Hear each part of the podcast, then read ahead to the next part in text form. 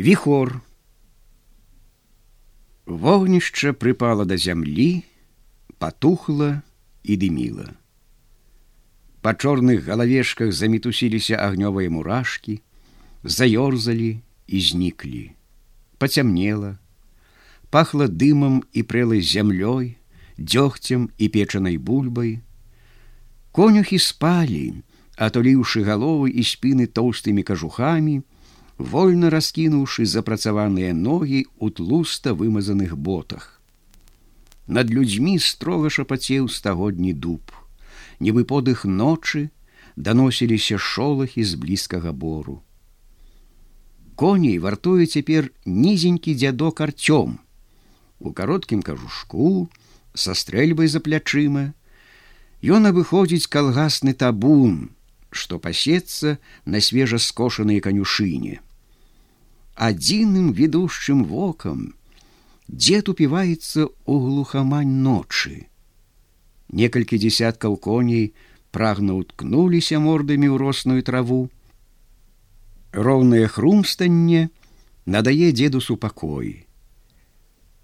Ён папраўляе стрэльбу за плячыма, ледзь хіліць галаву на бок, і кагосьці сквапным вокам шукае між цёмных конскіх сілуэтаў пісклівым старэчым голасам пяшчотна як да ўнука ён кажа вихор на гэты кліч павольна і ляніва пераступаючы нагамі падыходзіць да яго зграбны даўгагрывы з лебядзінай шыі жарабок.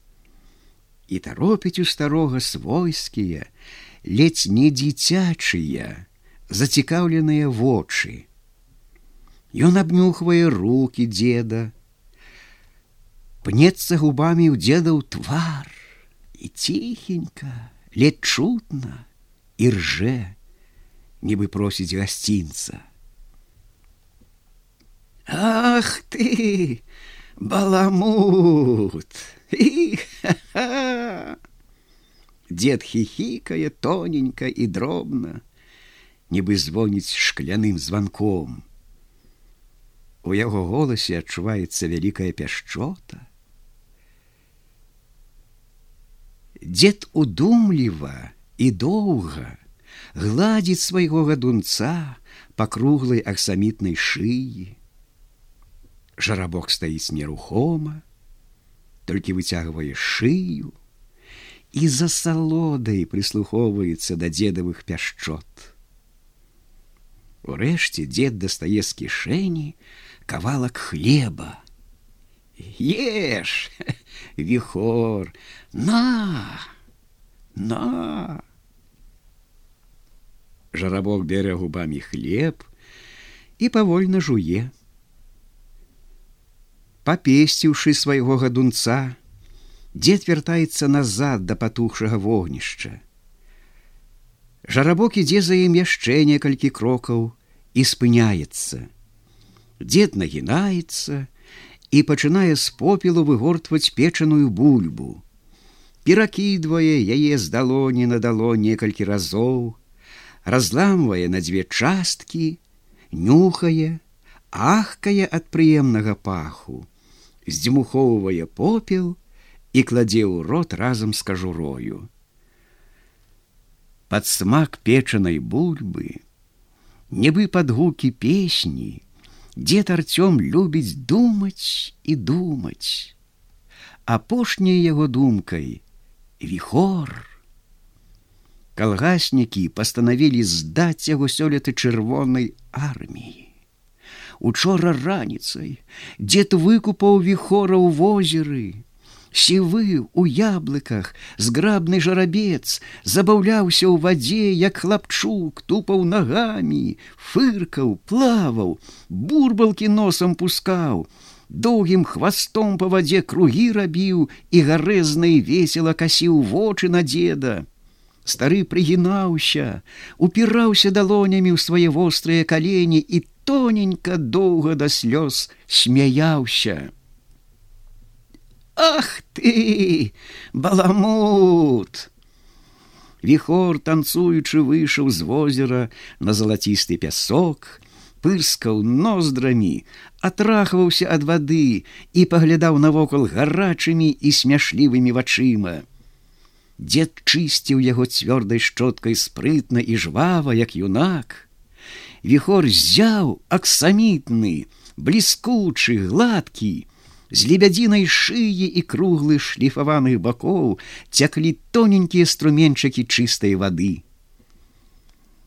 Калі нізенькі дзядок дабіраўся шчоткай да яго шаўкавістага зраўком пасярэдзіне крыжа, Віхор прыгінаўся, каб дзеду было лягчэй дастаць і прыслухоўваўся да шурхатання шчоткі. Ад прыемнасці віхор не рухаўся з месца, опускаў галаву і жмурыў нібы кот фіялкавыя вочы. Дед пры гэтым гаварыў да яго: Мілы мой віхор, родны мой віхор. І адзінае дзедаўскае вока маладзела і радавалася. Хэ-хэ-хэ, не коня малюнак! Любаваўся дзед, і давай клапатліва аглядаць і абмацваць кончыкамі пальцаў яго круглыя, як талеркі зграбныя, нібы адлітыя з бронзы капыты. Разумны, як чалавек, часта хваліцца дзед перад суседзямі і сваім гадунцом. Мне ён здаецца, як тое ягнё, цючком за мною ходзіць а паспрабуй яго гладзіць хто чужы го-го-го. Ні за што не дасца. Ніякімі ласункамі яго не возьмеш. Як загневаецца як захмыліцца як застрыжэ вушамі дык лепш не падступайся. Пярэднюю нагу падымей тыц у чалавека як рукой. А такія гордыя вочы ўтаропіць у чужака Хоць ты шапку знімі, ды пакланіся. Прызнаю свой грэх, часам лішнюю мерку аўса сыплю яму. Дык жа гэта не грэх, для чырвонай арміі гадуем.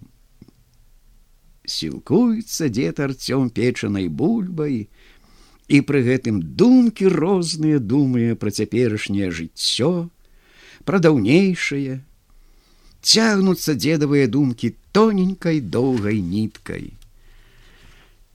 Калісьці ўраднік пры вобыску, пры шуканні бунтарскіх паперак, што сын знекуль прывёз, сцёбаў яго бацьку нагайкай. Ад зорак дароснай травы цягнецца зялёнае павуцінне. Чорнай сцяной высіцца ўводдалі хвойнік, шчыпле траву калгасны табун.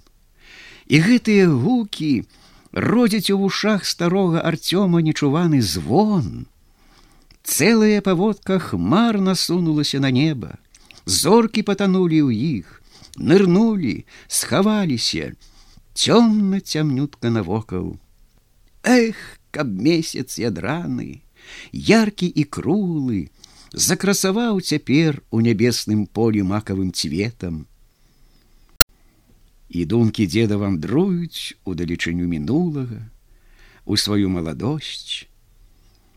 Ён адсунуўся назад на 30 год.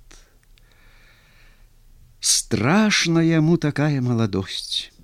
Над ім замест яснага месяца свеціцца звярыная морда ўрадніка.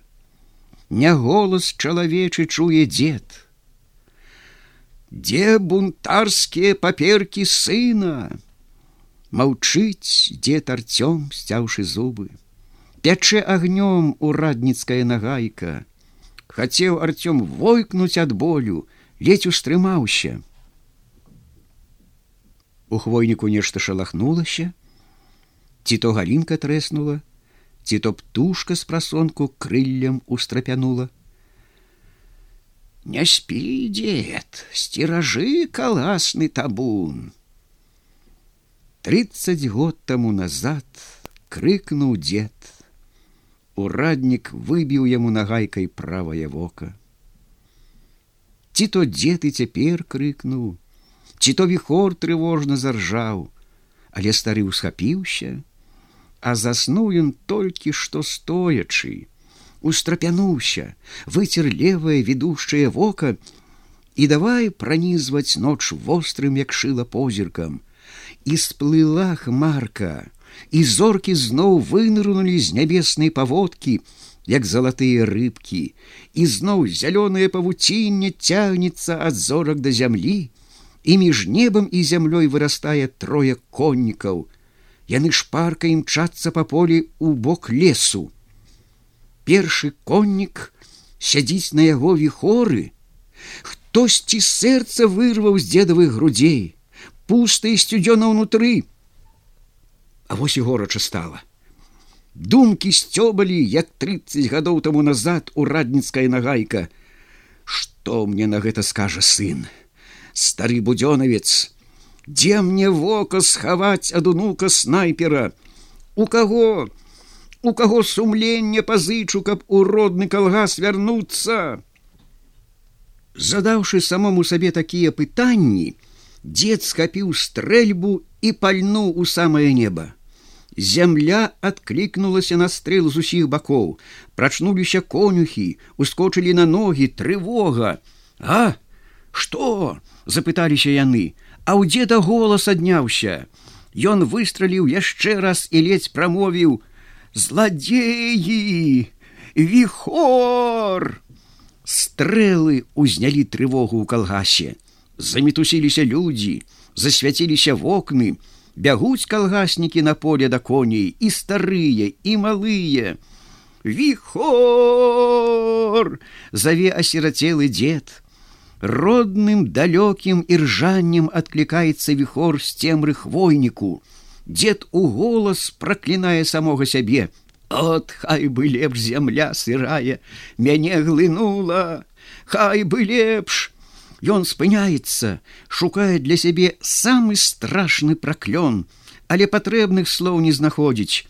Тады пачынае крыўдзіцца на віхора: Ах, каб яго ліханька не ўзяло, каб яго маланка не спаліла і даўся ж баламуту руки чужому чалавеку, Ай-яй-яй! Не ведае дзед, што віхор не вінаваты як пачуў жарабок каля сябе нечыя крокі, дык адразу падняў трывожна галаву. Яму раптоўна накінулі на шыю аркан. Так моцна зацягнулі пятлю, ажно ў вачах зялёныя абручы закруціліся. Вочы вылезлі на лоб, затуманіліся слязьмі, на жарабка напала млявасць, ногі так задрыжэлі, што віхор ледзь не ўпаў. Ён нават не чуў, як на яго надзелі вуздэчку, стаяў ён увесь мокры ад поту і ціхі як цялё.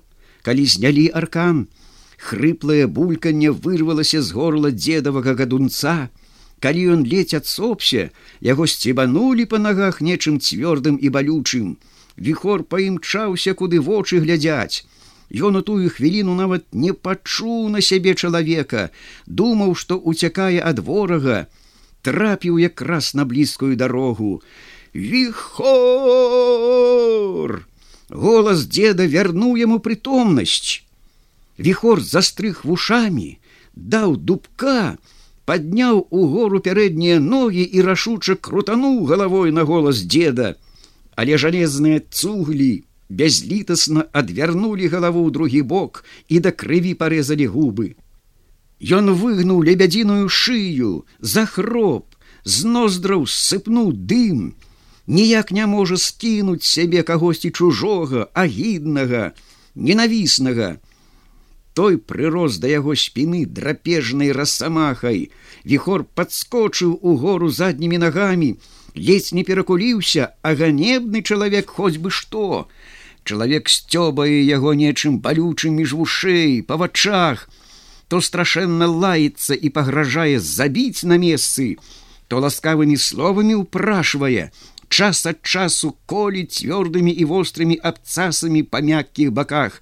Жарабок верціцца ў юном на адным месцы, не хоча паддавацца. Ні віхор, ні чалавек не заўважылі, што месяц яркі і круглы, абліў хвойнік расплаўленым серабром. Наўкос усяго хвойніку расцілаюцца паўтульным моху зялёныя абрусы. Непрытомным ад злосці стаў чалавек. Вочы яго сыпалі іскры. Ён заскрыгатаў зубамі, драпежна прыгнуўся тварам да шыі коня і моцнымі вострымі зубамі уеўся ў гарачую мякаць каля грывы. Віхор спалохаўся, Воўчыя клыкі чалавека збянтэжылі яго да таго, што ён зноў паддаўся сіле жалезных цугляў. Чалавек у радасці перамогі пачаў выць, раўсці па звярынаму, а десяткі людскіх галасоў захлёствалі чалавека і коня. Віхор! зноў пачуў жарабок знаёмы голас старога Артёма.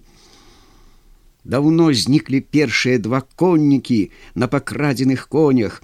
Калгаснікі даганяюць віхора. Не па сабе стала злодзею.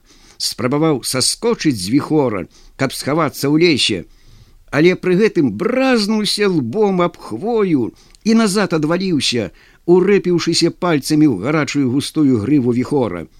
Жарабок адчуў волю, цяпер ужо не чалавек на яго спіне, а як бы мяшок з сенам, віхрам імчаўся віхор на знаёмыя родныя галасы, ярко свеціць месяц. Побач з канём імчыцца па роснай зямлі яго цень, падобны да вярблюда. Спыніўся віхор ля варот новай асветленай электрычнымі лямпачкамі стайні. З яго спіны знялі аглушанага чалавека, аблілі вадой. Чалавек расплюшчыў вочы. Стары знаёмы. За падпал калгаснай пуні ён год таму назад сядзеў у турме. Уцёк адтуль і хаваўся па тутэйшых лясах. Віхор стрых вушамі, яго фіялкавыя вочы сыпалі маланкамі ад злосці. Мінск 1935 год.